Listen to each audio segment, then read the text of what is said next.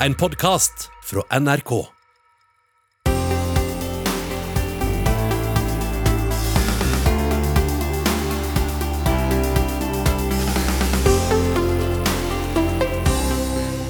Klarer Norge å finne en felles vei ut av oljealderen, eller er det for steile fronter mellom klimaungdom og industriarbeidere?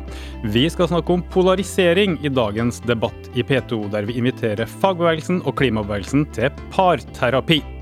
Programmet er laga av Manifest Media. Mitt navn er Magnus Marsdal, og vi begynner med et sitat fra en tillitsvalgt i oljeindustrien som snakker om ungdom i klimastreik.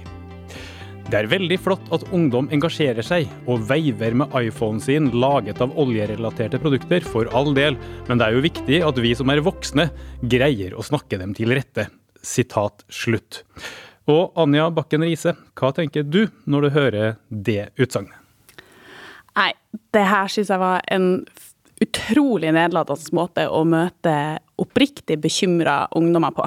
Jeg tenker det er klart at unge i dag har skuffer og skap full av eh, plast og greier laga av petroleumsbaserte greier, akkurat som foreldrene deres. Men det er dagens unge som i motsetning til foreldrene sine kommer til å kjenne konsekvensene av klimakrisa på kroppen, og da må vi lytte til dem. Det sier altså Anja Bakken Riise, som er klimaaktivisten vår her i dag, og leder for Norges største medlemsorganisasjon for miljø og solidaritet, Framtiden i våre hender. Litt senere i sendinga skal Anja møte en skikkelig industrigubbe, rørlegger Atle Tranøy. Men først sier vi velkommen til en professor som forsker på dagens tema her i Debatt i P2, som altså er polarisering i klimasaken. Og David Jorhus Lier, hva menes egentlig med polarisering? Altså Når vi snakker om polarisering i politikken, så er det en måte å si at motsetningene skjerpes. Eh, og Det kan jo skje på ulike måter. Det kan jo skje fordi at befolkningen blir mer splitta i et spørsmål. Men så kan det også skje at ytterpunktene, altså noen grupper som plasserer seg i ytterfløyen i et landskap, begynner å eh, rope høyere eller legge premissene for debatten, eh, uten at nødvendigvis befolkningen er mer polarisert. Det sier også professor i samfunnsgeografi ved Universitetet i Oslo, David Joris Lier, som ganske nettopp har levert en rapport til oss i Manifest Tankesmie om polarisering i den norske klimadebatten. Og David, jeg må nesten spørre deg da, det her spørsmålet om hvordan de ulike sidene ser på hverandre i den norske debatten om klima og oljeindustri, hvorfor er det et interessant spørsmål også for alle oss andre? Jeg mener at det berører alle som bor i og lever i et storsamfunn. fordi vi har jo, vi har jo noen forpliktelser. Vi, har jo en klimapolitikk vi skal gjennomføre. Eh, vi har noen forpliktelser til Parisavtalen, og vi har kanskje først og fremst en forpliktelse til å gjøre noe med klimaendringene. Eh, og Skal man få til en klimapolitikk, så må den ha en, en slags legitimitet. Både i befolkningen generelt, men kanskje spesielt hos de gruppene som blir berørt direkte av ulike klimatiltak, eller som føler et eller annet sakseierskap til det som skjer. Eh, og Der tror jeg kanskje noe av problemet ligger, at nettopp de gruppene føler at eh, de ikke blir tatt på alvor, og at tonen mellom dem har blitt eh, til tider ganske speil. Ja, Ei gruppe vi snakker om da er vel rett og slett oljearbeidere og, og de mange ansatte i industriene knytta til olje, altså en del av problemet som må vekk her. Er det dem du sikter til? Ja, altså Vi har jo gjort en studie nå av tillitsvalgte i oljebransjen. og tenker at med det så greier vi å representere litt hvilke holdninger som finnes i oljebransjen. Og det er helt tydelig at man føler at man, er, eh, man står i et slags motsetningsforhold da, til en del andre, andre, grupper i samfunnet. og En av dem er jo da miljøbevegelsen. Og at tonen der til tider er ganske lite konstruktiv. Ja, dere har snakka med folk som jobber i olja, som det kalles. Og det betyr jo ikke bare ut på plattformene, det er jo også mange industrier på land som bygger plattformer eller båter eller annet som går inn i oljeindustriene. Og vi møter altså eh, anonymiserte tillitsvalgte som snakker rett ut om både klimaungdom, eh, miljøbevegelsen, eliten inne i Oslo. Og i denne rapporten som eh, du har vært med å lage, så er det en som sier følgende. Det er liksom litt sånn skambelagt for unge folk å fortelle at de har en far som jobber i oljenæringa. Eh, er det her med alder viktig? Ser vi en polarisering mellom generasjoner? Ja, det tror jeg. jeg tror at, I alle fall så tror jeg at mange i oljebransjen føler at møte med, med, miljøbevegelsen til en viss grad handler om et møte med en generasjon som kommer etter en sjøl. Og, og det, altså Du nevnte dette med skam. det er jo et, Oljeskam er jo et sånt ord som oljearbeiderne bruker sjøl om eh, hvordan de opplever dette møtet med, med miljøbevegelsen. Eh, og jeg tror, at, eh, jeg tror, at, det er litt sårt, den sånn generasjonskløft som, eh, som ligger der. Er jo, miljøbevegelsen er jo, bedyrer jo at de ønsker ikke å påføre oljeskam til oljearbeiderne, men det er jo litt sånn et sånt parforhold som begynner å butte. at En ting er hva den ene sier, men noe annet er hva den andre hører. Og jeg tror at For oljearbeiderne så handler dette litt som et slags statusfall. Man hadde et, man hadde et forhold til sitt eget yrke som man var fylt av stolthet. Man ser tilbake på at man har vært med og bygd opp velferdsstaten og eh, vilkår og trygge, trygge jobber på sokkelen. Og så plutselig blir mye av det som man ser på som noe positivt med klimadebatten, til noe negativt. Det sier professor David Joris Lier, som har forska på temaet vi snakker om i debatt i P2 her i dag, nemlig hvordan klimasaken polariserer det norske samfunnet. Og vi skal snart få en sesjon med parterapi for klimabevegelsen og, og industrifagbevegelsen. Men uh, først, uh, David. Du nevnte uh, alder- og generasjonsskille som én motsetning som polariseres av klimaspørsmålet, men vi har jo også andre akser eh, og avstander i samfunnet der dere finner polarisering. Hvilke akser er det snakk om?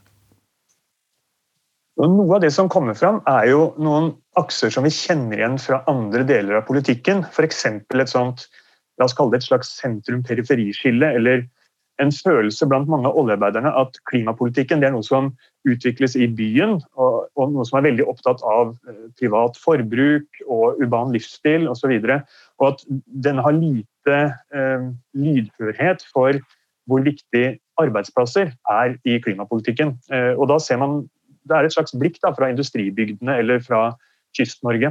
Eh, det er jo også egentlig et slags øst- og vest-skille her, hvor man ja, betrakter østlendinger med en viss skepsis. Ja, altså Det er altså geografien Vest-Norge mot Oslo, Østlandet. Folk som ikke skjønner seg på industri og verdiskaping.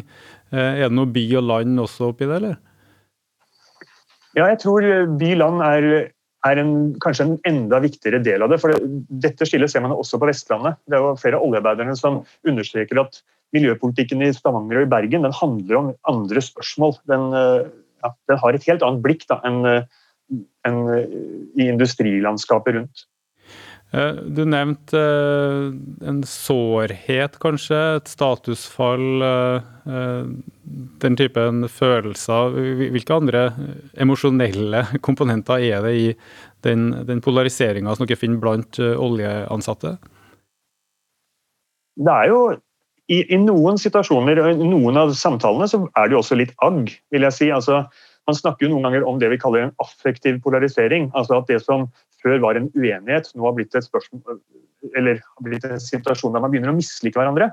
Og jo, Nå skal man ikke overdrive de følelsene, men det er ganske mye frustrasjon som kommer til uttrykk når man snakker om klimapolitikken eh, med oljearbeidere.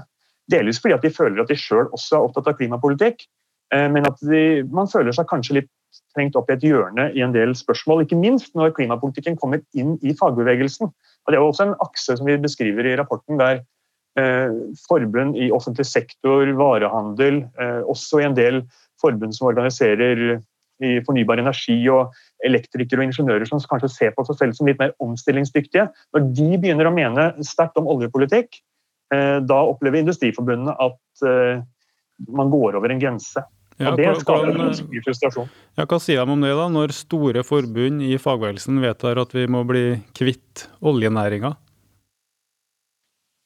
Nei, det, jeg tror, eh, altså Vi har jo noen sitater som, som beskriver det som et slags uh, svik, og kanskje også som en, en, en, situasjon der noen har gått litt over grensen for hva man skal mene om. En ting er å være opptatt av klimapolitikk, men det å gå aktivt inn for å stoppe Eh, jobbmulighetene i bransjen, det er, det er liksom ett skritt for langt, da, ifølge oljearbeiderne vi snakker med. Vi snakker med professor David Joris Lier ved Universitetet i Oslo, som har forska på oljeansatte, ingeniører, arbeidere og andre, og hvordan de opplever klimadebatten her i Norge. Og I Norge snakker vi jo veldig ofte om dugnad, samhold, eh, den norske modellen, kompromisser og samarbeid. Mens her snakker vi om folk som eh, begynner å mislike hverandre og snakke om svik og utdefinere motparten, og det vi kaller for polarisering.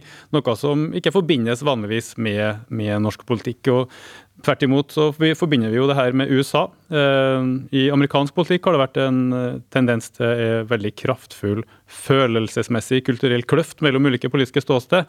Og David, eh, tenker du at det er noen likhetstrekk i den tross mellom det, det som skjer i USA og det tross alt mer siviliserte situasjonen vi har i Norge? Det er absolutt noen likhetstrekk. Altså, bare det faktum at klimapolitikken er gjenstand for polarisering, er jo en, en, et likhetstrekk. Men jeg tror likevel at USA, i hvert fall sånn som jeg tenker på USA anno 2020, det er en veldig annen situasjon. Der man har to store deler av befolkningen som lever i helt atskilte virkelighetsoppfatninger. Man er ikke enige om klimaendringene finnes, hvorvidt de er menneskeskapte osv. Man lever virkelig ulike, på ulike planeter. Mens de vi snakker med, både i oljebransjen og i miljøbevegelsen, de, de følger jo hverandre ganske langt i virkelighetsbeskrivelsen, men så er man til dels rykende uenige om omstillingen, hvordan den skal innrettes, hvilket tempo den skal ha. En del sånne praktiske grep da, som er fryktelig viktige, men som ikke likevel handler om hvilken verden vi lever i. Og så ser vi jo, som deres rapport viser, at eh, klimaspørsmålet, olje- og industrispørsmålet kan legge seg oppå andre kløfter og motsetninger, som by mot land, Vestlandet, og kysten mot Oslo og Østlandet. Kanskje også eldre, godt voksne, i hvert fall menn i industrien, mot yngre høyere utdanna i byene, som ofte også er kvinner. Så det er jo masse å få fyr på her, hvis man ønsker en polarisering av den debatten. Og kan det være noen som kan være tjent eh, med det, og så kan det være politiske aktører eller andre som, eh, som tjener på at man polariserer, får masse følelser, symboler, negative karakteristikker av motparten? Jeg kan jo bare gi mitt inntrykk fra de samtalene vi har med oljearbeiderne. Der er det jo mange som er til dels ganske skuffa over politikerne. og Det er også de vi snakker med i miljøbevegelsen. fordi at man savner en slags gjennomføringsevne. Eh, og så tror jeg også man savner at politikerne tar denne polariseringen på alvor. Jeg tror en del tenker at både enkeltpolitikere og politiske partier eh, ser seg heller litt tjent med at det er høy temperatur, og at man kan bruke det til å mobilisere eh, ja, samle litt eh, støtte og meningsmålinger over valg. Og Det, er jo, det mener jeg er synd. Du hører på Debatt i P2, der vi snakker om polarisering i den norske klimadebatten, som professor David Joris Lier eh, har fortalt oss at foregår mellom yngre generasjon, de godt voksne, mellom distrikter prega av industri og byer prega av høyere utdanning, mellom dem vi skal møte nå, nemlig klimabevegelsen, og de ansatte i oljeindustrien.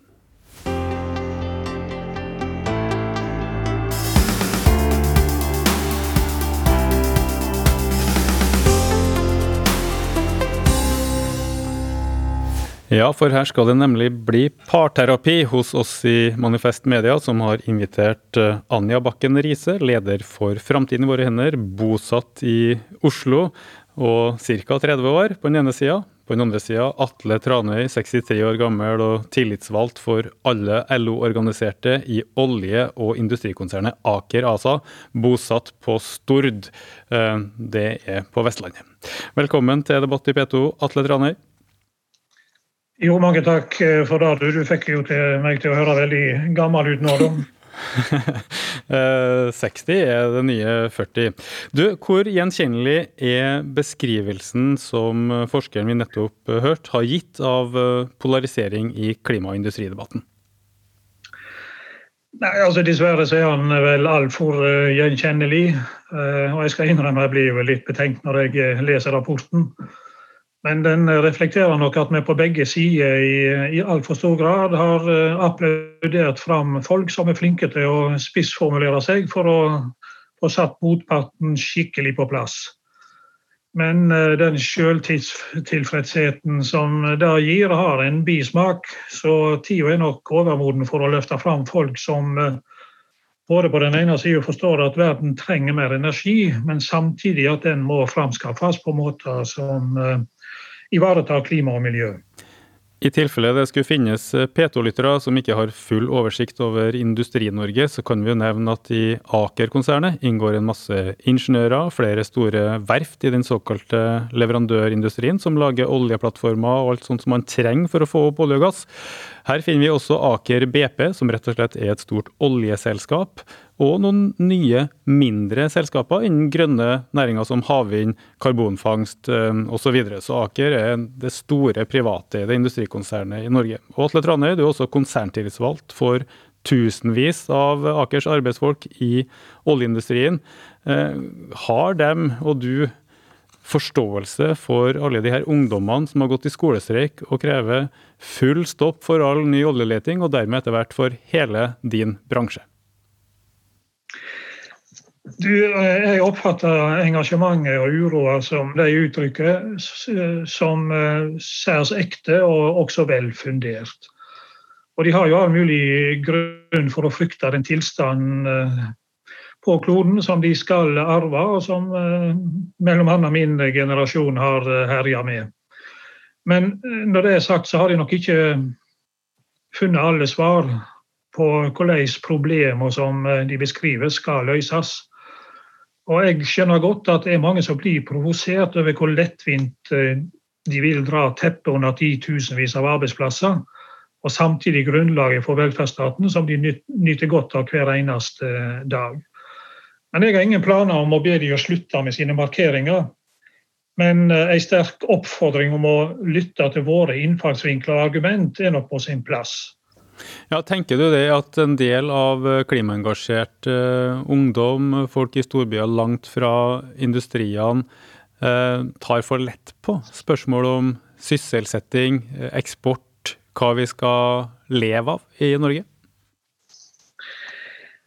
Ja, altså Både meg og mine meningsfeller i oljeindustrien sitter jo med et inntrykk av at de bekymrer seg veldig lite for på hva måte den velferden som er bygd opp bl.a. og ikke minst eh, gjennom eh, oljeindustrien, skal erstattes på en eh, god og forsvarlig måte. Det er jo ikke sånn at selv om du skal skifte vekt og øve fra ene foten til den andre, så må du amputere den første. Det blir å skadeskyte seg sjøl på en måte som setter deg i, bind, i, mindre stand til å gjennomføre det skiftet som alle er enige om uh, trengs, men der tidsperspektivet nok er ulikt. Det sier altså industritillitsvalgt eh, Atle Tranøy om polarisering i klimasaken, et tema her i Debatt i P2 i dag. Eh, og også i en ganske ny rapport der ansatte i oljeindustrien forteller at de kan oppleve å bli stigmatisert og føle at de ikke får sin rettmessige plass i den norske klimadebatten. Eh, men Atle, samtidig så ser vi jo av intervjuene med de her ansatte i oljeindustrien som er samla i en rapport, at industrifolk ofte utdefinerer motparten, dem også. Altså når de snakker om klimaaktivister, så er det av og til som om det var uvitende ungdommer, folk som ikke vet hvem snakker om osv. Hva tenker du om eh, industrifolkets eh, bidrag til debattklimaet? Altså, Vi fra industrien må, må slutte med å idioterklære de unge sitt engasjement. Det slår kun tilbake på oss sjøl. Tvert imot er det vår plikt å gå i dialog, lytte, og så får vi diskutere med dem på hva måte deres engasjement kan kobles sammen med vår industrielle forståing. For det er gjennom det vi raskest mulig i fellesskap kan eh, framskaffe de løsninger på våre felles utfordringer som vi trenger. Vi skal snakke mer etter hvert uh, om hva slags løsninger det er, men vi skal også ta med lederen for Norges største organisasjon for klima og global rettferdighet, Framtiden i våre hender.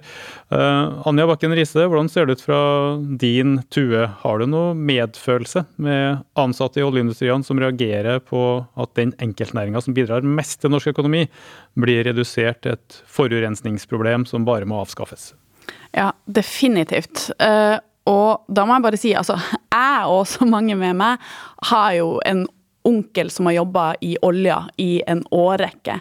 Og jeg er både takknemlig og jeg er stolt over den innsatsen som han og mange med han eh, har lagt ned for å bidra til det norske velferdssamfunnet. Eh, men det som jeg opplever som litt av problemet i dag, er jo at oljearbeidere blir satt i en skvis fordi at det er ingen som tar kampen på deres vegne. Hvis jeg kan sette det litt i kontekst, så så tenker jeg at altså, eh, Historisk så har miljøbevegelsen sin, sin, rolle har vært å avdekke og peke på miljøproblemer og kreve at det blir retta opp i fra politikere eller næringsliv.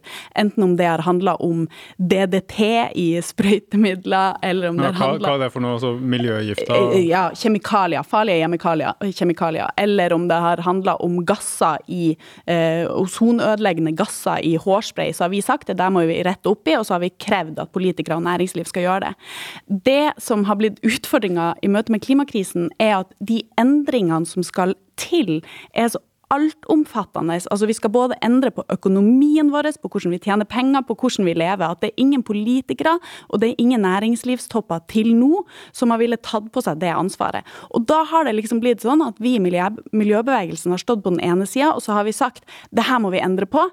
Eh, og så er det ingen på den andre sida som har plukka opp og fulgt det opp på en ansvarlig måte. Og da er det oljearbeiderne som blir satt igjen i en skvis fordi at ingen tar den kampen for dem. Ja, og det er jo en situasjon det er lett å forstå. At man blir både defensiv, kanskje litt snurt mm. over at de store bidragene til norsk økonomi, velferdsstat, eh, oppleves kanskje å bli litt eh, oversett. Men bortsett fra situasjonen, så har vi jo også diskusjonen. Og det ordet oljeskam som ble nevnt her, det har jo så vidt jeg vet aldri i framtiden våre hender f.eks. Eh, brukt. Det blir jo mer sånn eh, tema. Uh, kanskje man skylder på miljøbevegelsen og sier at miljøbevegelsen ser ned på oljearbeidere osv. Det blir en slags offerposisjon. Men på den andre sida så har vi jo en realitet da, at noen på klimasida elsker den bomringen andre syns blir for dyr, eller Eh, kanskje rett og slett ikke bryr seg om arbeidsplasser så lenge vi redder klimaet. Hvordan ser du på det? Er det noe eh, felles ansvar her for debattklimaet? Ja, definitivt. Men jeg tror jo at uh, forsker Jorus Lier er inne på noe når, når, det er Altså, politiske partier har en interesse av å snakke til sine kjernevelgere, uh, men det er en veldig kortsiktig interesse. Og jeg tror jo at uh, dem som ønsker stillstand i klimapolitikken, dem er jo dem som er mest tjent med den polariseringa. Og alle oss som ønsker endring, vi eh, bør jobbe for at debattklimaet blir eh, litt mer konstruktivt. Men uansett hvordan man formulerer seg og ønsker dialog og samarbeid, så er det vel et faktum at veldig mange av arbeidsplassene som i dag er knytta til olje og gass, både i Nordsjøen og på land, Eh, rett og slett må vekk etter hvert, hvis vi i Norge skal slutte med olje og gass? Ja, definitivt. Det er det. Eh, og akkurat nå så er det jo sånn at til tross for at klimagassutslippene går ned i år som følge av koronapandemien, så måles det nå høyere nivåer av CO2 i atmosfæren enn noensinne tidligere. Så det haster som bare rakkeren eh, å, legge om sånn at vi eh, går over til å bli en nullutslippsøkonomi. Men da er det jo sånn som, som Atle Trane er inne på her. altså vi i miljøbevegelsen, vi kan klima og miljø. Fagbevegelsen kan arbeidsplasser, de kan industri. Nettopp derfor er det jo så viktig at vi samler oss, eh, og sammen går sammen og blir en kraftfull allianse som kan kreve realistiske og reelle grønn industrisatsinger fra politikerne våre. Hva tenker du Anja, at dere eh, kan oppnå ved å gå i nærkontakt med oljeingeniører, eh, de her industrihjelmene fra LO, og diskutere grønn industri? Mm. Jeg tror på den ene sida at, at, løsningen og planene som vi, eh, som vi krever, eh, er mye mer realistisk og mye bedre. På den andre sida så tror jeg jo at vi blir en veldig mye mer kraftfull allianse. Så da har vi hundretusenvis eh, av medlemmer i ryggen. Og jeg tenker at altså, selv, om, eh, selv om det ikke vil være mange, eh, mange arbeidsplasser i olje- og gassindustrien eh, i, i, i, det samfunnet vi skal bevege oss mot, så er det jo masse andre arbeidsplasser. Norge har en del naturgitte forutsetninger knytta til bl.a. Eh, billig fornybar kraft. Eh, ikke minst så har vi kompetanse. Vi har de økonomiske musklene. Og hvis vi skynder oss, så kan vi bli gode på alt fra flytende havvind. Vi kan være det første landet i verden som får på plass eh, innenriks elektrisk luftfart. Vi kan bli ledende på maritim eh, nullutslippsløsninger. Industrien er langt framme på mange områder på sirkulære løsninger. Så jeg tenker at eh, mye er på plass. Hvis vi går sammen og krever gode planer, så kan vi få til utrolig mye. Atle Tranøy, du er jo tillitsvalgt i mm, Aker-konsernet, et veldig stort industrikonsern knytta til olje og gass i dag. Hvor realistisk er det som Anja Bakken Riise i Framtiden vår snakker om her, sett fra deres eh, selskap? Eh, hvor mye har dere egentlig å by på når det gjelder eh, grønne teknologier? Du, Vi har nok atskillig å, å by på. og Jeg er særdeles enig med det som Anja tegner opp av framtidsperspektiv og muligheter for industrien. altså Den nye industrien vi skal bygge på skuldrene av den kompetanse som sitter i øyeblikket, ikke minst i oljeindustrien. Og For å ta ett eksempel. Det nyfusjonerte konsernet Aker Solutions har jo som sin målsetting nå og eh, ha en tredjedel av omsetninga innenfor fornybarsektoren i løpet av 25, og to tredjedeler i løpet av 2030. Ja, For eh, lyttere som ikke er så inne i det her, hva betyr eh, fornybarsektoren? Hvilke ting er det dere skal bygge som ikke er olje- og gassting? Det er i og for seg en rekke ulike prosjekter eller industrigreiner en ser på muligheter innenfor der. Karbonfangst og -lagring, offshore eh, havvind, hydrogen, eh, ammoniakk. Altså avkarbonisering av skipsfarten ligger det store muligheter i. Ja, hvis jeg tar skipsfarten en liten runde, altså betyr at i stedet for å kjøre på oljebaserte, petroleumsbaserte drivstoff, så kan du putte inn batteri, du kan putte i hydrogen som ikke har noe utslipp, er det sånn? Det gjør det, og, eller eh, ammoniakk. Det som er det mest interessante, er når du ser eh, mulighetene som ligger i å koble disse ulike industriene imot eh, hverandre. Ta avkarbonisering av skipsfarten. Der jobber jo vi med et prosjekt som bl.a. går på at du skal ha ladestasjoner eller fyllestasjoner i seilingsledene for fartøy, der du kan eksempelvis ta kraft fra offshore vindparker og supplere elektrisk framdrevne skip med. Eller eh, du kan forsyne dem med hydrogen som er laga av naturgass med karbonfangst eh, og -lagring. Du kan ha ammoniakkproduksjon for bruk til framdrivsmiddel i skipsfarten. Så her er det liksom eh, nærmest ubegrensa mulighet i å bygge den nye industrien. Men det vi ikke må glemme, det er at dette skal bygge på den eksisterende teknologien som eksisterer innenfor eh, olje- og gassnæringa. Derfor er det så viktig at vi fremdeles opprettholder den i en overgangsfase. Ja, det her har vi jo hørt oljeselskapene si nå veldig lenge, at eh, vi må holde liv i dem, for de har jo så viktig kompetanse. Ta her med flytende havvind f.eks., at det skal stå gigantiske vindmøller og snurre store parker med dem langt til havs og duppe ut på Eh, bølgene der, som er både 10 og 20 meter høy og sender enorme kraftmengder inn til land. Eh, det høres jo fristende ut, slipper jo å se disse vindmøllene også.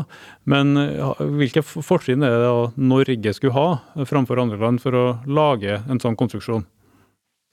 Fordi vi har en helt unik kompetansebase i den offshoreindustrien som har utvikla kompetansen gjennom flere tiår ikke minst på flytende havvind, fordi eh, kompetansen vi besitter, dreier seg jo bl.a. om flytende understell til olje- og gassinstallasjoner, som greit kan overføres eh, til eh, eksempelvis flytende havvindskonstruksjoner. Så de som bygger oljeplattform og flytende understell der i dag, kan egentlig da bygge understell til havvind over hele verden i morgen? Det kan de, og det er vi allerede i gang med. Eh, hvordan syns du parterapien fungerer så langt, Atle? Vi har jo hatt et samarbeid i Grønn industri 21 eh, noen måneder nå. Har du kommet noe nærmere perspektivene til Anja og klima- og miljøbevegelsen? Ja, jeg syns det har vært en utrolig interessant eh, og gledelig dialog. Den bekrefter jo at de diametralt motsatte synspunktene på enkelte felter ligger der, men den har åpna for betydelig mer nyansering og forståelse oss, i, oss imellom. Og det som jo er blitt oppmerksomme på, er at ved å, å være så polariserte som vi har vært, så har vi gjort det enkelt for eh, det politiske miljøet neglisjere begge, for å si det sånn. Mens hvis vi evner å gå sammen om det vi faktisk er enige om, så vil vi i sum representere en kraft som er umulig å overse. Vi har fortsatt med oss eh, professor David Jorus Lier, som også forsker på polariseringa mellom uh, ulike parter i klimasaken. Og hva tenker du, David, at uh, klimabevegelsen, industrifagbevegelsen, kan gjøre fremover for å unngå den type destruktiv polarisering som vi ser typisk i USA? Det høres jo ut for meg som denne parterapien er en, et godt sted å starte. Noe som vi ble veldig klar over når vi snakka med eh, oljearbeiderne, er jo at man opplever en slags sånn hjemmebane- og bortebanedynamikk der, der eh, fagbevegelsen trives veldig godt med å ta beslutninger i møterom og gjennom kongressvedtak og gjennom å påvirke politikere gjennom sine kanaler. Men så de, føler de seg veldig på bortebane når miljøbevegelsen dominerer i sosiale medier og i debattflater osv. Da, da snakker man dårligere sammen, og da blir også frontene steilere. Så jeg tror nettopp det å finne noen samarbeidsformer er et veldig godt sted å starte. Og at kanskje, for å si det veldig enkelt, at klimabevegelsen må begynne å eh, lese seg opp på industripolitikk, og at fagbevegelsen må lese seg opp på klimapolitikk. Med det sier vi takk til professor i samfunnsgeografi David Jorus Lier ved Universitetet i Oslo, som sammen med Camilla Hauland har skrevet en eh, helt ny rapport om polarisering i klimaspørsmålet.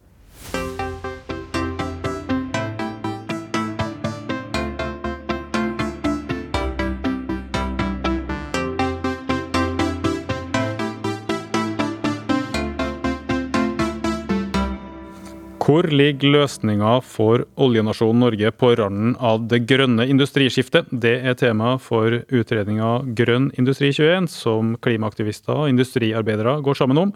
Og sammen med oss i Manifest tankesmie, der vi har med samfunnsøkonom Jonas Algers, som jobber på den utredninga om hva Norge skal gjøre nå for å få fart på det grønne industriskiftet, sammen med bl.a. den amerikanske stjerneøkonomen Mariana Mazzucato, som deltar i en utredning av hennes institutt i London. Velkommen til P2, Jonas. Takk for det. Eh, som lytterne kanskje hørt, så har du din bakgrunn fra Sverige. Eh, og hvordan har du oppfatta den norske klimadebatten sett litt utenfra? Ja, alltså jag har tänkt på, eh, jag tror att Atle och Anja fångade ganska bra här i, tidigare, att mycket energi i klimatdebatten har gått in i att debattera allt det vi måste sluta med för att klara en omställning. Det vill säga sluta köra bil, sluta äta kött, eh, sluta flyga, sluta återfå olja. Och de här spörsmålen har sin roll, men vi har kanske fokuserat alldeles för lite på det som vi måste göra för att lösa klimatkrisen. Det handlar om att massivt bygga ut förnybar energi, elektrifiera industriprocesser, transporter, eh, bygga batterier och lagring av energi och en mängd andra eh, saker. Eh, annars kan vi inte lösa klimatkrisen. Det är inte realistiskt. Så de här processerna, de här omställningarna måste utföras av dem med kompetens och erfarenhet från industri, energi, transport, byggande videre. Tror, derfor, at, tror, du at, det er en sammenheng her mellom at uh, vi har en på den ene siden, at vi har en debatt som handler om hva vi ikke skal gjøre? At nå må du slutte med det, og jobben din skal bort, og hvorfor kjører du så mye bil og spiser kjøtt og sånn? Og på den andre sida at debatten blir litt sånn amper. Uh, for det blir liksom ikke så konstruktivt, kanskje. Det bare må slutte med ting. Nej, precis. Alltså jag tror det blir ett väldigt så individuellt skuldbeläggande för att du har ett ansvar för att eh, eh, klimatet går eh, åt helsike. Eh, du har ett ansvar för att du har jobbat eh, inom den här industrin och tjänat pengar på på eh, detta och det blir väldigt lite konstruktivt och, och jag tror inte riktigt det är en leder framåt. Eh, hvis du ser utover Norges eh, grenser på diskusjon om eh, klimakrise, eh, økonomi, industri. Hvordan skal vi løse problemet? Hvordan ser den norske debatten ut sammenlignet med andre land? Ja, jeg tror at det pågår et paradigmskifte i den internasjonale debatten som jeg ikke er helt sikker på at klimadebatten i Norge henger med på. Alltså till exempel, vi kan se på högerkanten så har eh, Storbritanniens premiärminister Boris Johnson veldig nyligen gått ut med ett stort grönt industriprogram som han lanserade som en stor satsning på jobb och värdeskapande i Storbritannien. Biden vann valet i USA, bland annat på ett stort investeringsprogram i grön energi. Och sen på vänsterkanten har vi amerikanska Alexandria Ocasio-Cortez, hennes förslag om en grön ny deal som ska skapa gröna jobb och grön industri. Så eh, här ser vi ett paradigmskifte där debatten flyttas allt mer från konsumtion till produktion av av eh, eh klimatteknologi och så vidare. Alltså mindre det här med ikke kjør bil, ikke spis kjøtt og slutt å jobbe med olje og gass, og mer ja vel, vi må bygge grønne industrier, havvind, eh, karbonfangst osv. Du nevnte Green New Deal. Eh, hva, slags, hva snakker vi om der? Altså, hva er det man har tenkt å gjøre eh, på venstrekanten i USA som foreslår en sånn grønn, solidarisk vei ut av klimakrisa? Ja, den Green New Deal-förslaget som kom där, det blev ju lite en, en slags samling för hela vänsterns eh, politik. Man skulle satsa på eh, ökad ekonomisk fördelning och, och att eh, marginaliserade grupper skulle vara med, tas med in i ekonomin. Men, men, men kärnan var ju att man skulle eh, eh, satsa på elektrifierad transport och, och eh, förnybar energi och så vidare. Och, och tror jag att folk känner att det är mer attraktivt. Att här finns det faktiskt eh, jobb och möjligheter att, eh, att få ha det bättre ekonomiskt ställt eh, istället för att känna att jag måste mer medveten om eh, om jag kjøper den här produkten eller den här produkten. Ja, Stikkordet her er vel kanskje jobber, når det, særlig når det gjelder norsk oljebransjen. Og så har vi noe jobber å gå til. Er det det som er litt nøkkelen her? At en, en grønn klimapolitikk også må være en jobbskapende industripolitikk? Ja, exakt. Eh, till exempel eh, kan bara säga det kort. Eh, Joe Biden då, när han fick frågan eh, vilket ord tänker du på när du tänker på klimatomställningen? Då sa han jobb. Eh, och det var liksom en slags symbol för att nu ser vi det här som jobbskapande snarare än, än, än eh, skambeläggande. Det sier også Jonas Algers, samfunnsøkonom i Manifest Tankesmie, som er med å diskutere dagens tema, polariseringa mellom industriarbeiderne og klimaaktivistene i Norge, men også løsningene og veien videre for en oljenasjon på kanten av det grønne industriskiftet. Og det vi snakker om her er jo at norsk eksport er ekstremt dominert av olje og gass. Det er jo oppi halvparten av det vi eksporterer i enkelte år. Eh, mye av den teknologiske utviklinga skjer jo rundt den oljeindustrien, og det deles fortsatt ut letelisenser hele tida for å holde på langt oppi Barentshavet og finne enda mer olje og gass, sjøl om vi har funnet altfor mye allerede. Eh, Jonas Algers, hva skal skal til i den økonomiske politikken for å bryte ut av denne oljeavhengigheten som preger store deler av norsk økonomi? Eh, det korte svaret skulle jeg si er investeringer som setter en ny riktning på eh, norsk økonomi. Altså, eh, noen forskere vid SSB mener at investeringene i petroleum eh, kommer falle med, de beräknar at investeringar i petroleum kommer falle med tiotals miljarder de kommande åren. Eh, antingen på eh, med samma politikk politik som vi har nu, men på grund av fallande efterfrågan ute i världen. Eller ännu mer då med om man har mer åtstramande oljepolitik. Och då måste den aktiviteten som försvinner ersättas med någonting nytt och här blir det då möjligt att sätta en ny riktning på norsk ekonomi från petroleum och mot grön industri.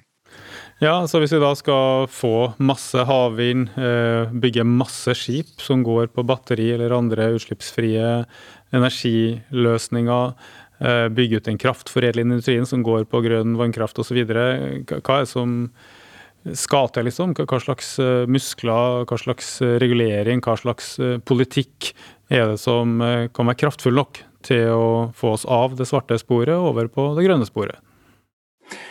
Ja, alltså staten har investerat eh, eh, sedan 85 eh, 20 miljarder uppåt i petroleum per år. Eh, så jag menar att man behöver kunna tänka sig någonting i eh, minst samma storleksordning för, i grön industri. Då, för att ja, komma du snakker om at staten selv bruker 20-50 milliarder i året på å investere i å få opp mer olje og gass?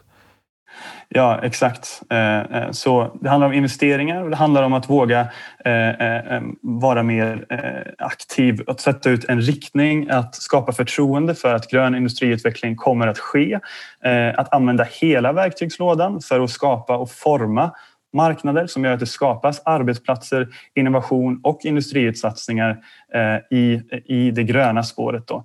Och det kräver ju kanske att man har ett mer långsiktigt eh, eh, perspektiv på industriutveckling snarare än kortsiktigt fokusera på kortsiktig finansiell avkastning. Då. Och på så sätt kanske vi kan accelerera då, den gröna motorn i norsk ekonomi samtidig som den fossildrivna bromsas.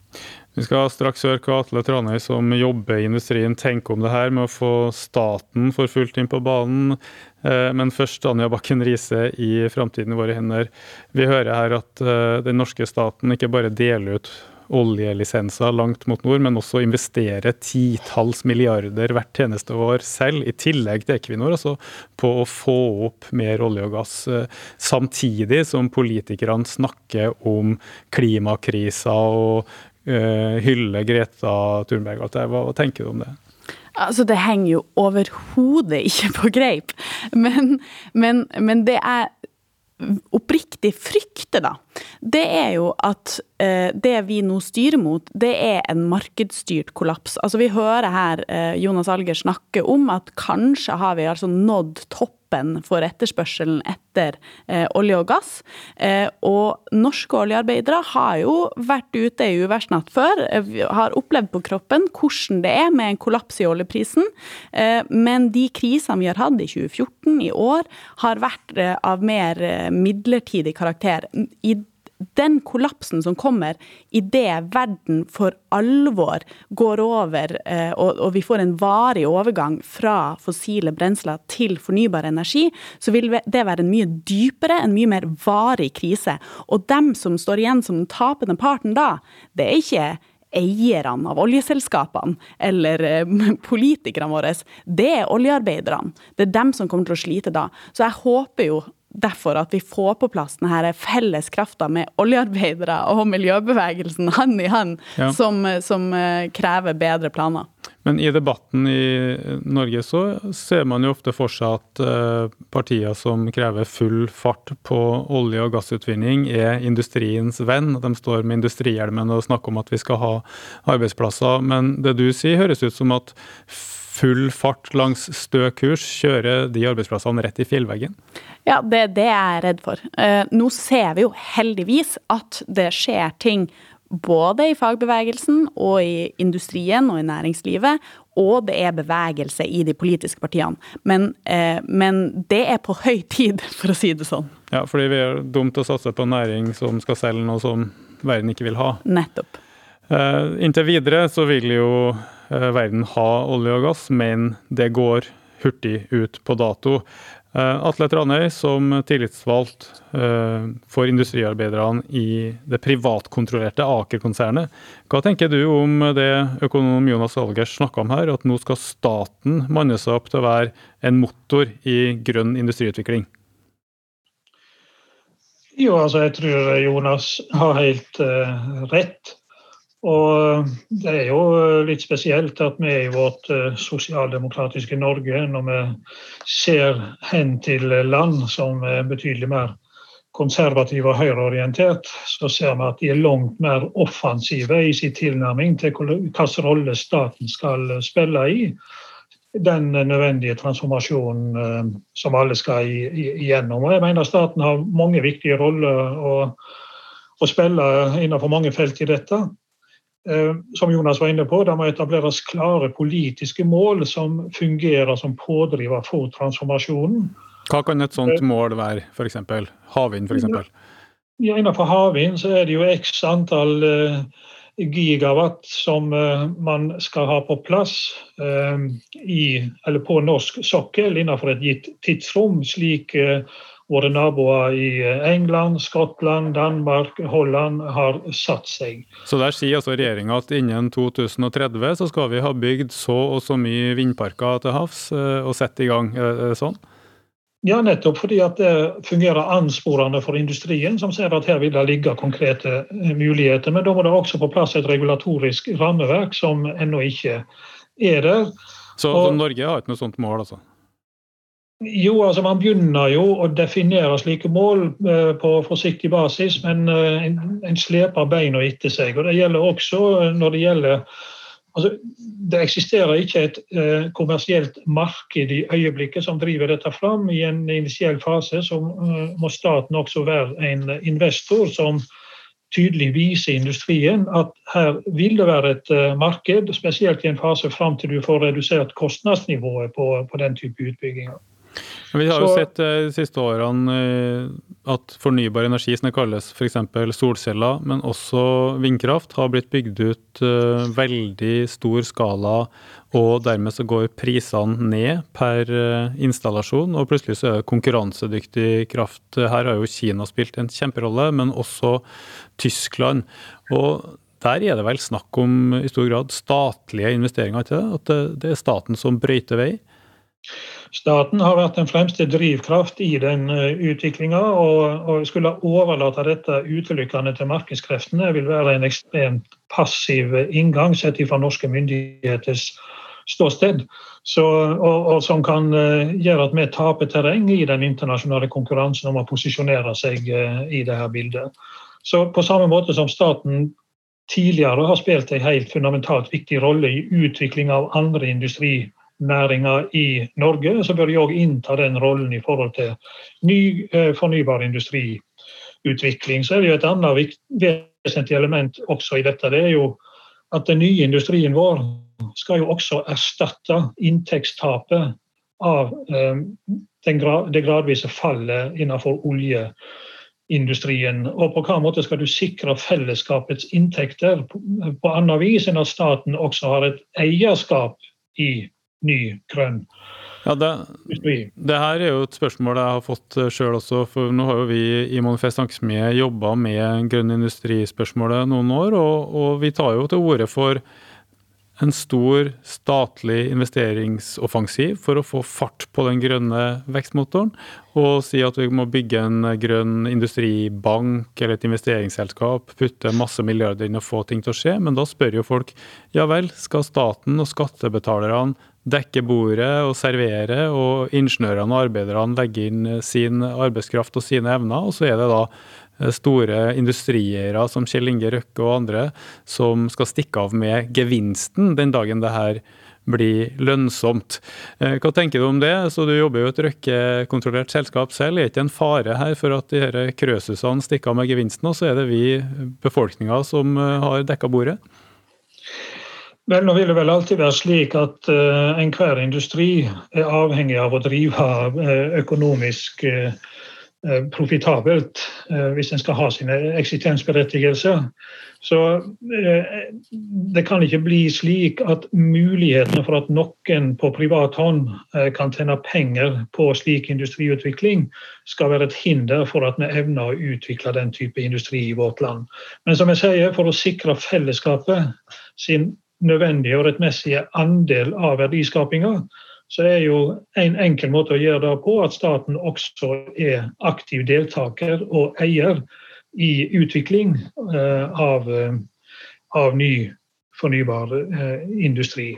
Og så vil jeg jo si at det vil jo altså, det vil jo være et skrikende paradoks hvis Norge med sin kapitalrikdom skulle ende opp med at det er mangel på kapital mangel på investeringsevne som gjør at vi taper terreng i eh, framveksten av eh, disse nye industriene. Det sier også Atle Tranøy, tillitsvalgt i Aker-konsernet, og den ene parten i vår parterapi mellom klima og fagbevegelse her eh, i dag. Den andre parten, Anja Bakken Riise fra Framtiden våre hender.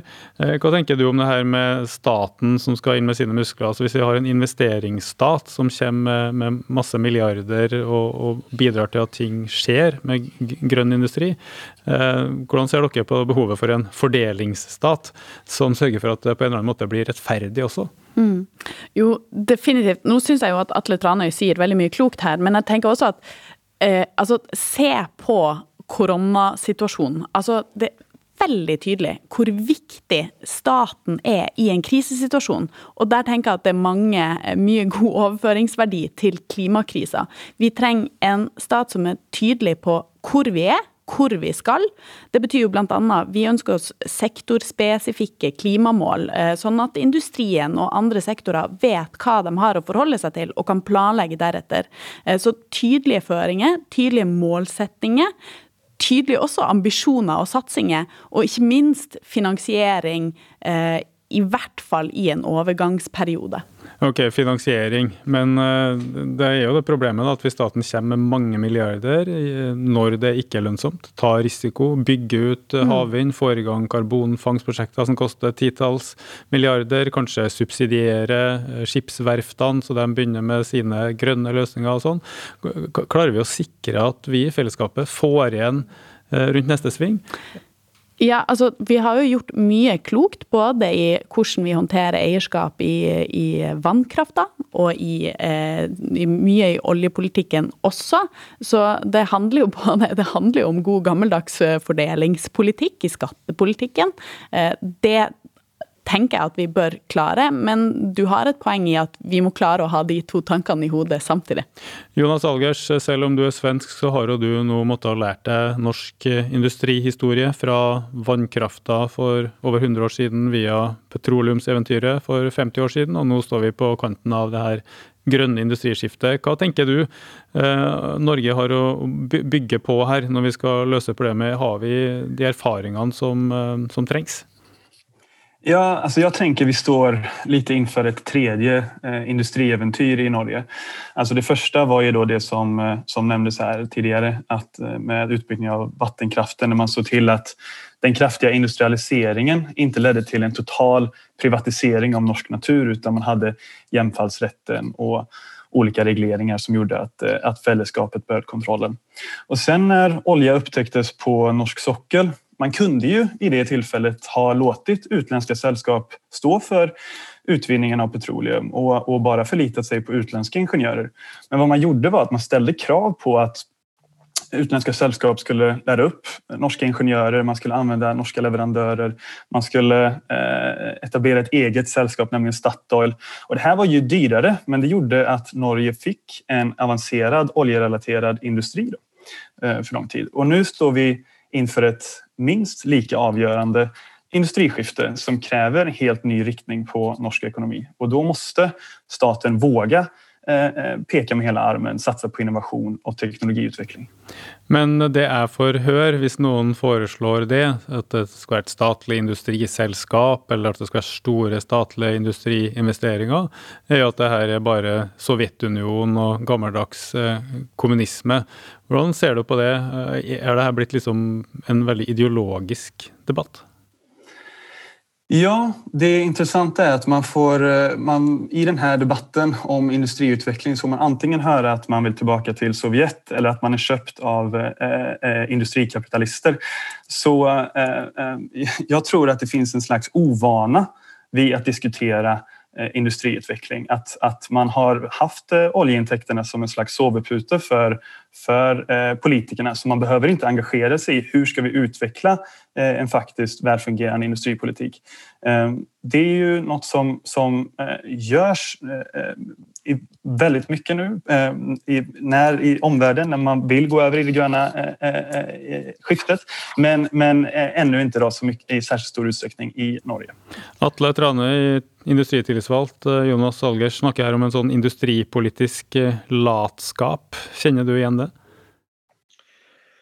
Ja, dessverre. Og i høyeste grad så, så gjør det det. Og jeg tror han har helt rett i at uh, de massive inntektene som oljeindustrien har skapt, uh, har fungert som ei sovepute i så måte.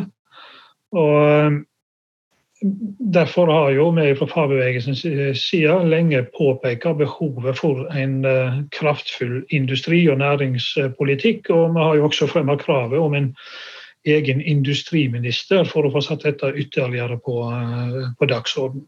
Og jeg syns det er litt eh, spesielt å oppleve at industrien er betydelig mer foroverlent enn politikken i øyeblikket når det gjelder utvikling av ny industri.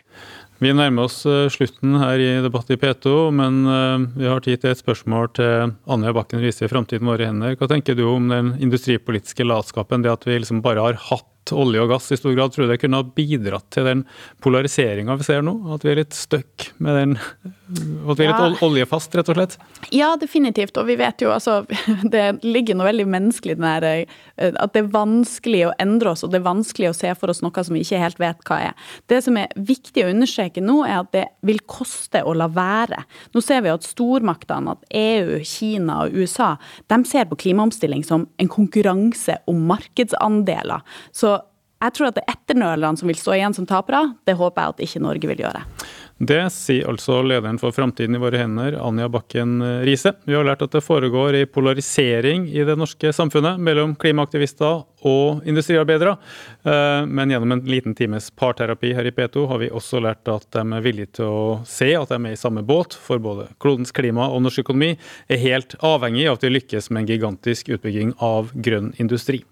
Eh, det er kanskje ikke mulig innenfor den berømte handlingsregelen for eh, norsk økonomisk politikk. Det skal vi snakke om i den neste timen etter Dagsnytt. Nå sier programleder Magnus Marsdal takk til Atle Tranøy, Anja Bakken Riise og Jonas Algers, som skal bli med oss i neste timen også. Vi høres om litt.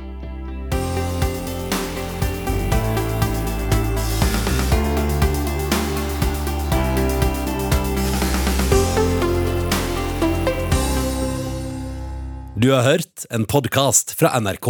Hør flere podkaster og din favorittkanal i appen NRK Radio.